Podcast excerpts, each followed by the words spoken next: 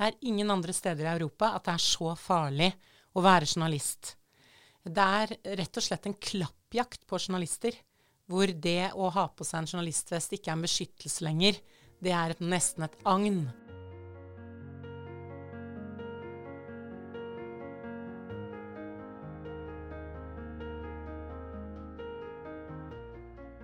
I den siste utgaven av Dag og Tid skildrer redaktør André Dynko i tidsskriftet Nasjaniva livet i et fengsel i Minsk. Han skrev denne teksten første dagen han fikk en penn i hånda, etter å ha sittet i isolasjon i to uker. En som kjenner Dynko godt, og som kan mye om situasjonen i Hviterussland, er Ane Tusvik Bonde. Hun er gjest i Dag og Tid-podkasten i dag.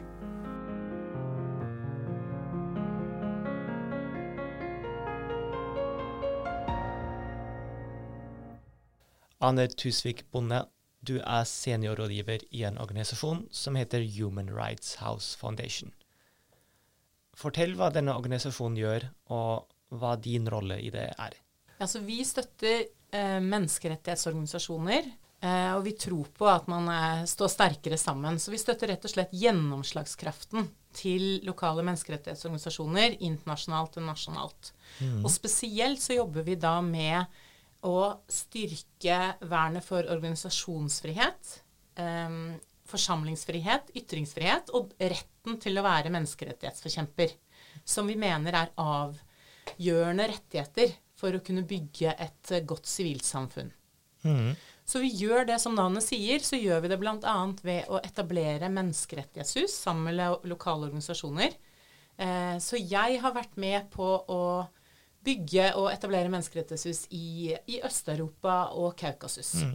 Det er fysiske hus som dere ja. etablerer? Ja. Sammen med lokale organisasjoner. Mm. Så det er på en måte uavhengige møteplasser. Eh, men det kan også være et sted hvor folk søker trygghet hvis de er forfulgt. Mm. mm. I dag skal vi snakke om en tekst som sto på trykk i Dag og Tid sist fredag. Den er skrevet av en mann med navn Andrej Dynko. Hvordan kjenner du han, og hva kan du fortelle meg om Andrej? Så jeg møtte Andrej Dynko første gang i 2004 i Oslo. Mm. Da var han styreleder i eh, hviterussisk Penn. Eh, og siden så har jeg vært og besøkt han i Minsk sammen med, med Norsk Penn og sammen med organisasjonen min. Så Andrej Dynko er eh, en av redaktørene til eh, ukesavisa Nasjaniva, som er den eldste eh, avisa på hviterussisk i Hviterussland. Eh, og den er nå blitt digital eh, og er veldig populær. Eh, og han, eh, han, er også redaktør for deres historiske eh, tidsskrift for barn, som er blitt veldig populært. Ja. Mm. Og han er, jeg vil si at han er en stillfaren mann. Mm. En veldig eh, veldig klarsynt, analytisk, altså en sylskarp analyse. Mm. Og eh, ja, en veldig, veldig klok En klok fyr. Som, som, man alltid lærer noe av å være sammen. Og ja. som er nysgjerrig. Altså som ønsker hele tiden å lære nye ting. Mm. Han er fin. Ja. For å forstå hva som skjedde med Andrej Dynko, så må vi forstå historien til Hviterussland. Hva er det vi trenger å vite? Hviterussland ligger bare 1 12 time unna eh, med fly. Og det er et land som ligger mellom Litauen, Ukraina, Polen og Russland. Og når du kommer dit, så føles det nesten, i hvert fall før, som om du dro litt tilbake i tid. Mm. Og det kalles jo med rette eh, Europas siste diktatur. Men de siste årene, og spesielt i fjor, så har man sett en endring. At folk er blitt lei av regimet til, eh, til, Lukasjenko. Han har sittet ved makten siden 1994. Og folk orker ikke lenger å leve i en sånn politistat, og så spesielt under koronaen, at presidenten ikke brydde seg om deres helse. Eh, og folk startet med nye allianser og så faktisk at de måtte stole på seg selv og sivilsamfunnet. Og da valget kom i fjor høst, så fikk folk nok og ønsket endring og gikk ut og protesterte når de ikke fikk den endringen. Mm. Så det er en, det er en regelrett eh, politistat hvor etterretningen ikke har brydd seg om å bytte navn fra KGB. Den heter fortsatt KGB? Heter fortsatt KGB. Okay. Og hvor myndighetene har stålkontroll og overvåker befolkningen. Og det tenker jeg er viktig å vite, fordi det krever jo da enormt å tørre å gå ut når du vet at du kan bli arrestert for en minste ting. Hva kan det være, f.eks.? Nei, eh, sånn det er nå, så kan du bli arrestert bare for å f.eks. legge ned en blomst for å minnes en som ble drept i fjor under protesten. Eller hvis du har eh, bruker eller går med røde og hvite sokker, for det er symbolfargene på det uavhengige hviterussiske flagget, Ja, så kan det wow. være nok. Mm. Eh, Det er også flere som nå står tiltalt for å ha danset under en protest i Brest i, i fjor. Sånn at eh, det skal veldig lite til, eh, og de slår ned på alt. Mm. Mm. Det kan høres ut som et tegn på at regimet er redd. Ja. Ja. Jeg tror at uh, regimet var, uh, og at myndighetene er veldig redd for den folkelige oppreisningen. Og det er jo også derfor de slår ned og kjører på med massearrestasjoner. Mm. Og eh, stenger uavhengige medier nettopp for at folk ikke skal få tilgang på informasjon. Mm. Så, så det, er en, det er et uh, regime som bruker frykt til å styre, og det er det viktigste maktmiddelet deres. Og det er kanskje litt det som er eh, bakgrunnen for det som skjedde med Andrej Dynko også. Um, jeg møtte jo faktisk han Jeg fikk en e-post av deg i 2019 uh, hvor du fortalte om at det var en avisredaktør fra Hviterussland som hadde lyst til å komme på besøk.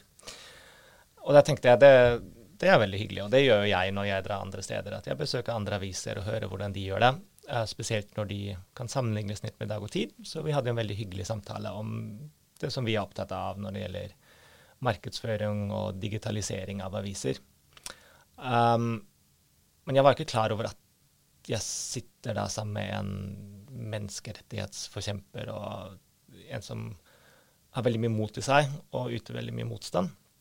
Um, og jeg fikk jo sjokk da jeg leste at han nå satt fengslet, og det han skrev i Dag og Tid om hvordan han ble behandlet i dette fengselet. Um, hvordan havnet han der? Ja, altså fra, fra mai-juni så trappet myndighetene opp eh, angrepene mot uavhengige medier. Da, og så eh, i juli så kom turen til Nasjaniva, så da eh, gjorde de razziaer både i kontoret til Nasjaniva og i hjemmene til flere journalister og redaktørene. Og utpå i løpet av dagen så ble det klart at eh, Andrej var da arrestert sammen med sjefsredaktøren, markedsansvarlig og økonomiansvarlig i, eh, i avisa. Og de var da anklaget for å ha støttet eller eh, forberedt politisk eh, uorden. Så, og det er mange som nettopp blir tiltalt for akkurat det. Eh, og det som er, er den egentlige grunnen, er nettopp at Nashaniva har vært en av de viktige avisene som har formidlet sannheten, og som har gitt folk eh, mulighet til å se hva som virkelig skjer i Hviterussland. Og ikke bare i Hviterussland for befolkningen der, men også internasjonalt, fordi de har tatt utrolig mange gode bilder som også er blitt brukt internasjonalt. Så de har vært med på å gjøre at Hviterussland ikke har blitt glemt, og at vi og andre land har nettopp kunnet følge utviklingen. Så det ønsket Lukasjenko. Altså han ønsker å stoppe enhver eh, uavhengig, uavhengig avis og media, nettopp for å sikre at ikke informasjonen kommer ut, verken til befolkningen eller utenfor grensene til Hviterussland. Hvordan ble denne artikkelen her til, og hva er det André Dynko risikerer ved at den står på trykk? Ja, så Andrej satt da Han satt 13 eh, døgn i Akrestina-fengselet, som er beryktet. Det var det fengselet hvor flest ble torturert eh, i fjor, i august, når de ble varetektsfengslet etter de store masseprotestene.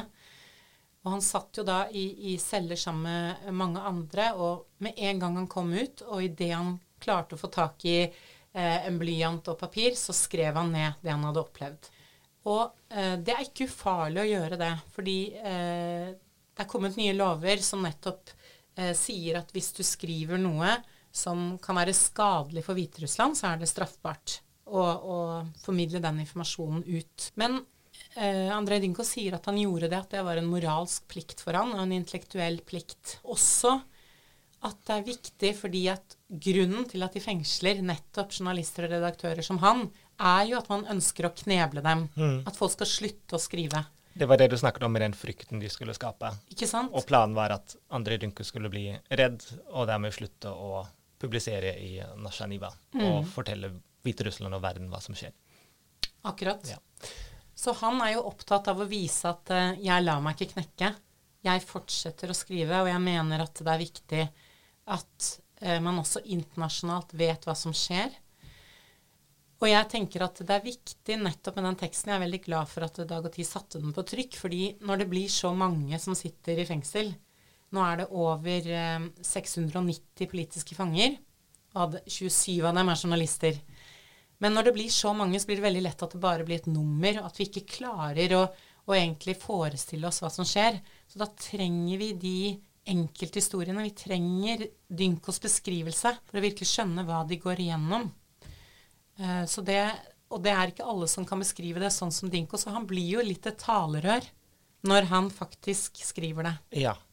Det var jo som traff, det som traff meg også, og at jeg faktisk hadde møtt han en gang. Og så er det viktig å huske at han er ikke et enkelttilfelle. I år så ga Fritt Ords pressepris. De ga alle prisene til hviterussiske medier og journalister. Jeg satt selv i juryen, så jeg mener at det var en riktig avgjørelse, fordi at det er ingen andre steder i Europa at det er så farlig å være journalist. Det er rett og slett en klappjakt på journalister, hvor det å ha på seg en journalistvest ikke er en beskyttelse lenger.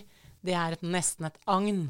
André Dynko han var fengslet i omtrent to uker, men han har fortsatt en straffesak hengende over seg. Hva kan du fortelle meg om den straffesaken, og hvordan pleier sånne straffesaker å utspille seg i dagens Hviterussland? Altså, den straffesaken går jo nettopp på at de eh, gjøres som veldig mange andre. Så eh, mener de at eh, redaktørene for Nasjoniva er ansvarlig for eh, offentlig uorden. Da, for å ha skapt offentlig uorden. Og eh, man kan få opptil tre års fengsel eh, for, for dette. Og det er allerede journalister som er dømt til to års fengsel. Sånn at eh, i flere av sakene så går jo de for lukkede dører. Eh, de som er tiltalt, står i et bur med gitter. Så det handler jo også om at man på en måte det, det er ikke noe som heter uskyldig før man er dømt. Her, her på en måte er man allerede dømt, og det, rettssaken blir nesten som en farse. Sånn at, eh, og advokatene er jo ofte presset. Flere advokater er jo også i fengsel. Og de som, er fortsatt, de som fortsatt har mulighet til å jobbe, er veldig presset. Det er ikke noe uavhengig rettssak. Vi vet ikke om Andrej Dinko kommer til å bli stilt for retten, eh, men hovedredaktøren og markedsansvarlig, de, de sitter jo fortsatt i varetekt.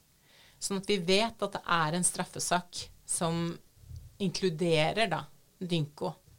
Men han vet jo ikke, og det er også den uvissheten som mange lever i. Du aner ikke når saken din kommer opp, og du vet ikke hva som vil skje. Men han har nå eh, altså han har reiseforbud, så han kan ikke dra fra landet. Så han må holde seg i Hviterussland. Hva syns du historien om André Dynko forteller oss om dagens Hviterussland?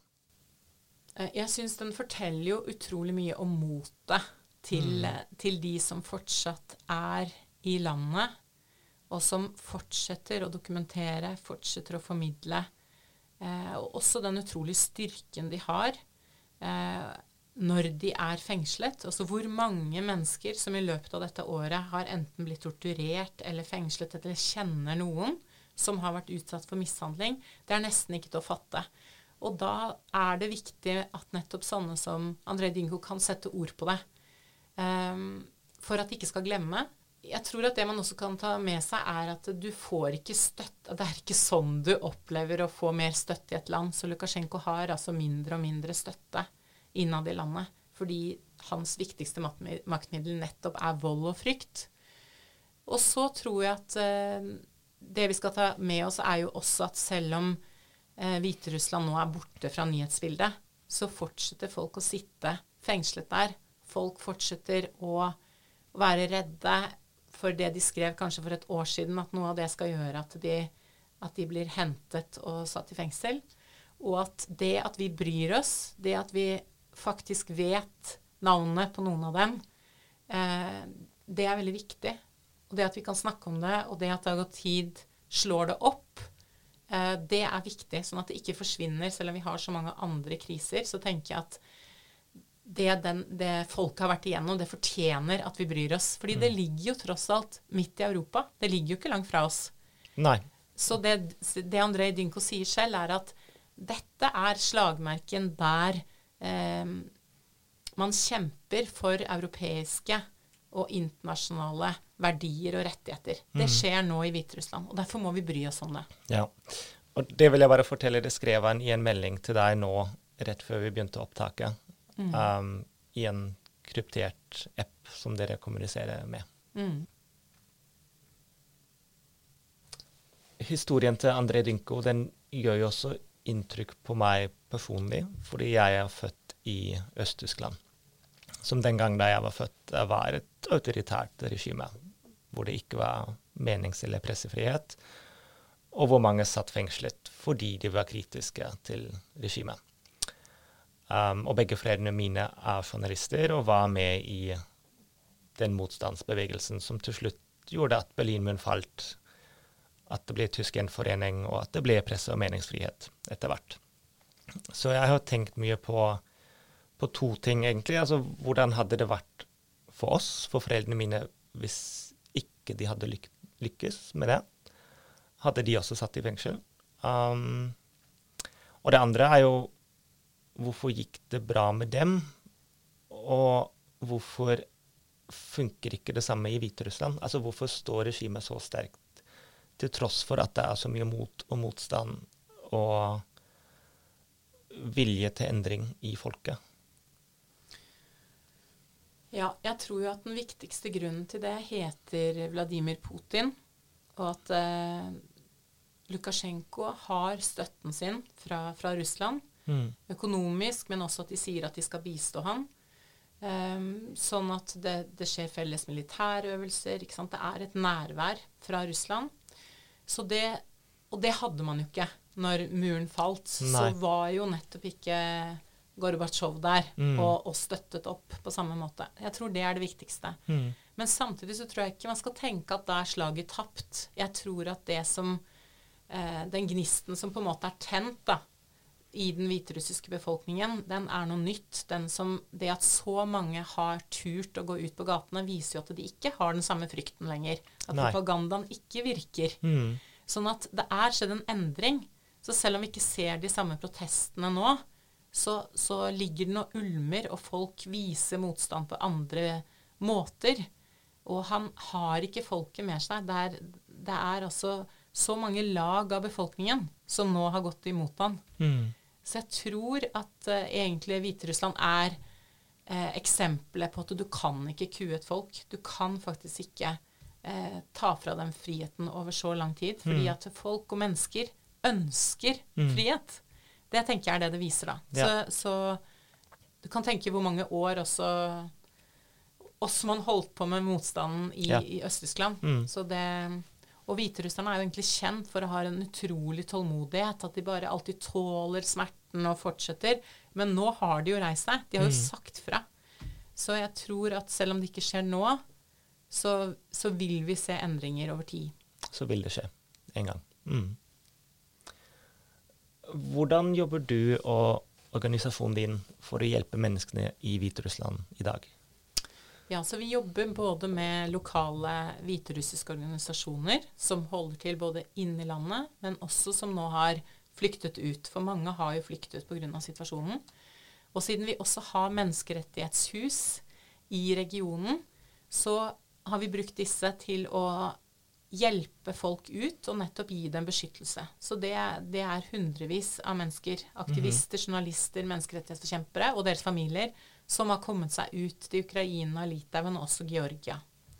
Eh, og I tillegg så er vi opptatt av å være den stemmen for de lokale eh, internasjonalt.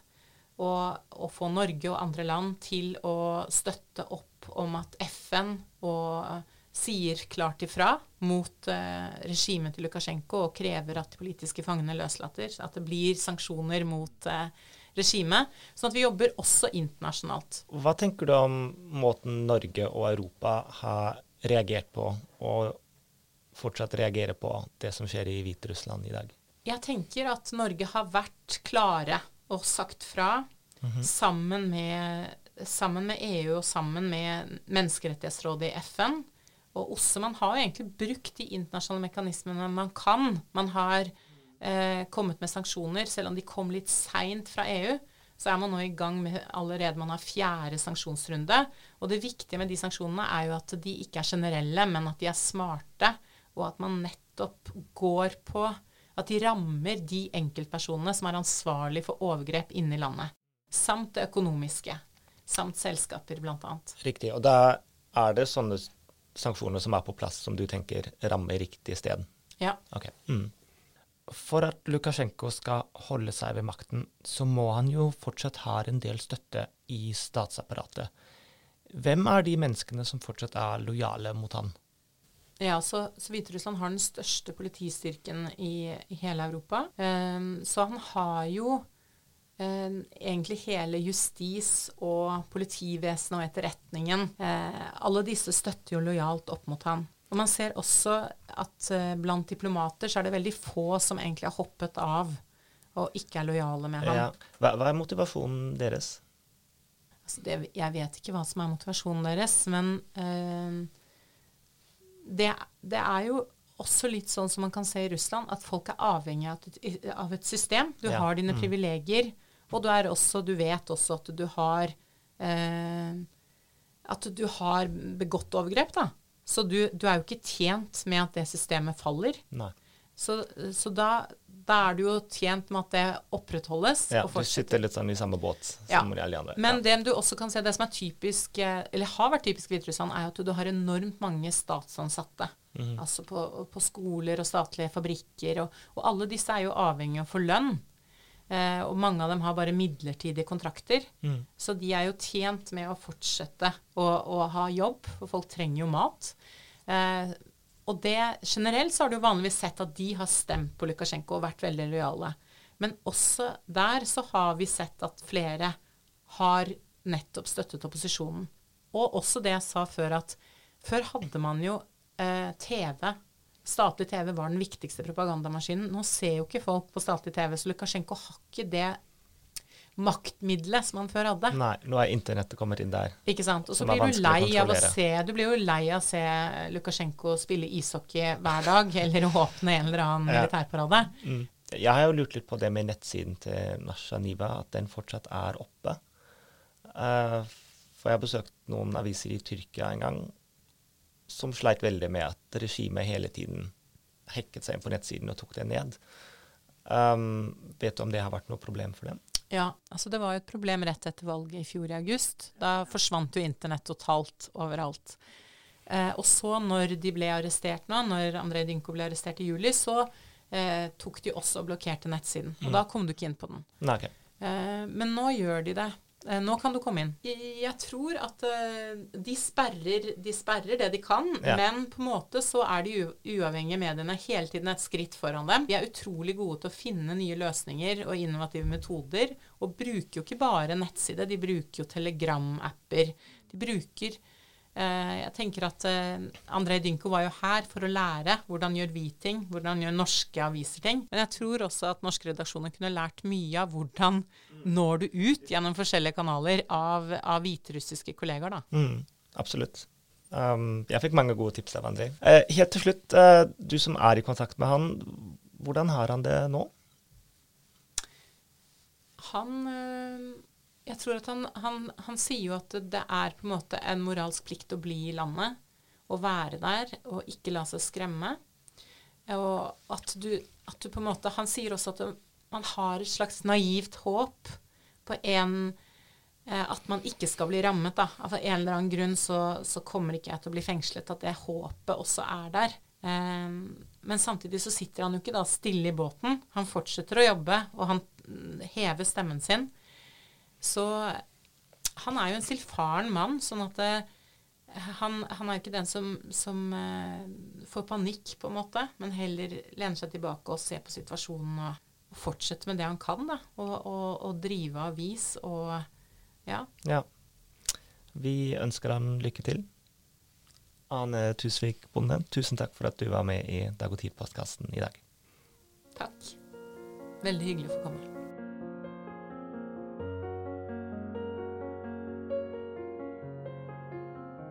Du hørte på Dag og Tid-podkasten. I studio var jeg, Gregor Falkner.